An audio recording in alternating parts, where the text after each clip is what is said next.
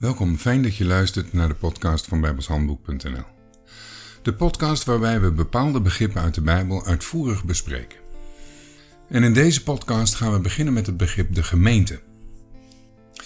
We hebben het wel steeds over de gemeente, maar wat is het eigenlijk voor een ding? Er zijn een heleboel mensen die denken dat het de kerk van alle tijden is. Iedere gelovige vanaf Adam hoort daar dan bij. De gelovigen van het Oude Testament behoorden immers ook tot het volk van God. Dat laatste is waar.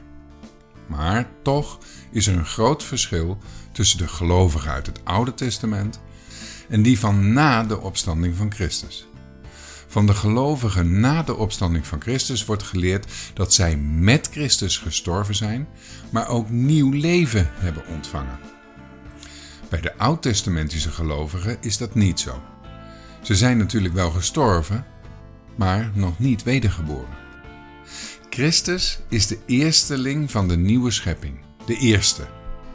Als de oud-testamentische gelovigen ook wedergeboren zouden zijn, dan was Christus niet de eerste, niet de eersteling, maar dan was Adam dat.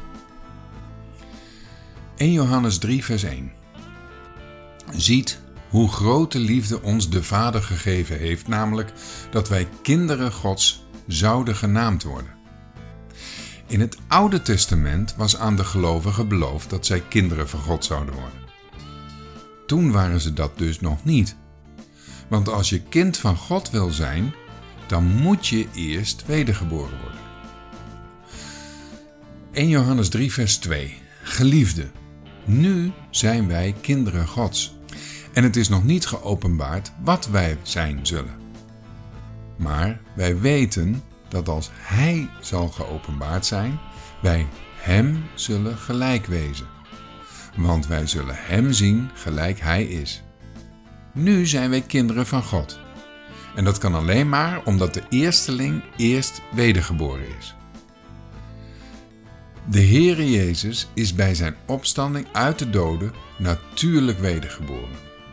Hij kreeg toen nieuw leven en sindsdien kan iedereen die in Hem gelooft ook wedergeboren worden. Maar dat wil niet zeggen dat vanaf toen in het vervolg iedere gelovige tot de gemeente behoort. Want, en dat hebben wij weer, de gemeente is een heel speciaal volk. Handelingen 15, vers 14, 15 en 16. Simeon heeft verhaald hoe God eerst de heidenen heeft bezocht, om uit hen een volk te verzamelen voor zijn naam. En hiermede stemmen overeen de woorden der profeten, gelijk geschreven is: Na deze zal ik wederkeren en weder opbouwen de tabernakel van David, die vervallen is, en hetgeen daarvan verbroken is, weder opbouwen. En ik zal dezelfde weder oprichten. De gemeente is een volk voor zijn naam. Die verzamelt hij nu.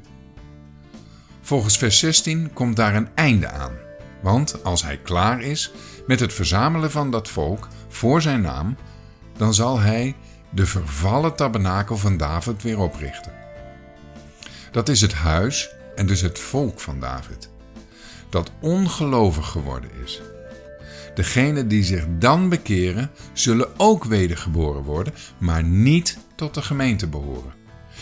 Dat speciale volk is er dan niet meer. Het is opgenomen in de hemel en functioneert als het lichaam van Christus.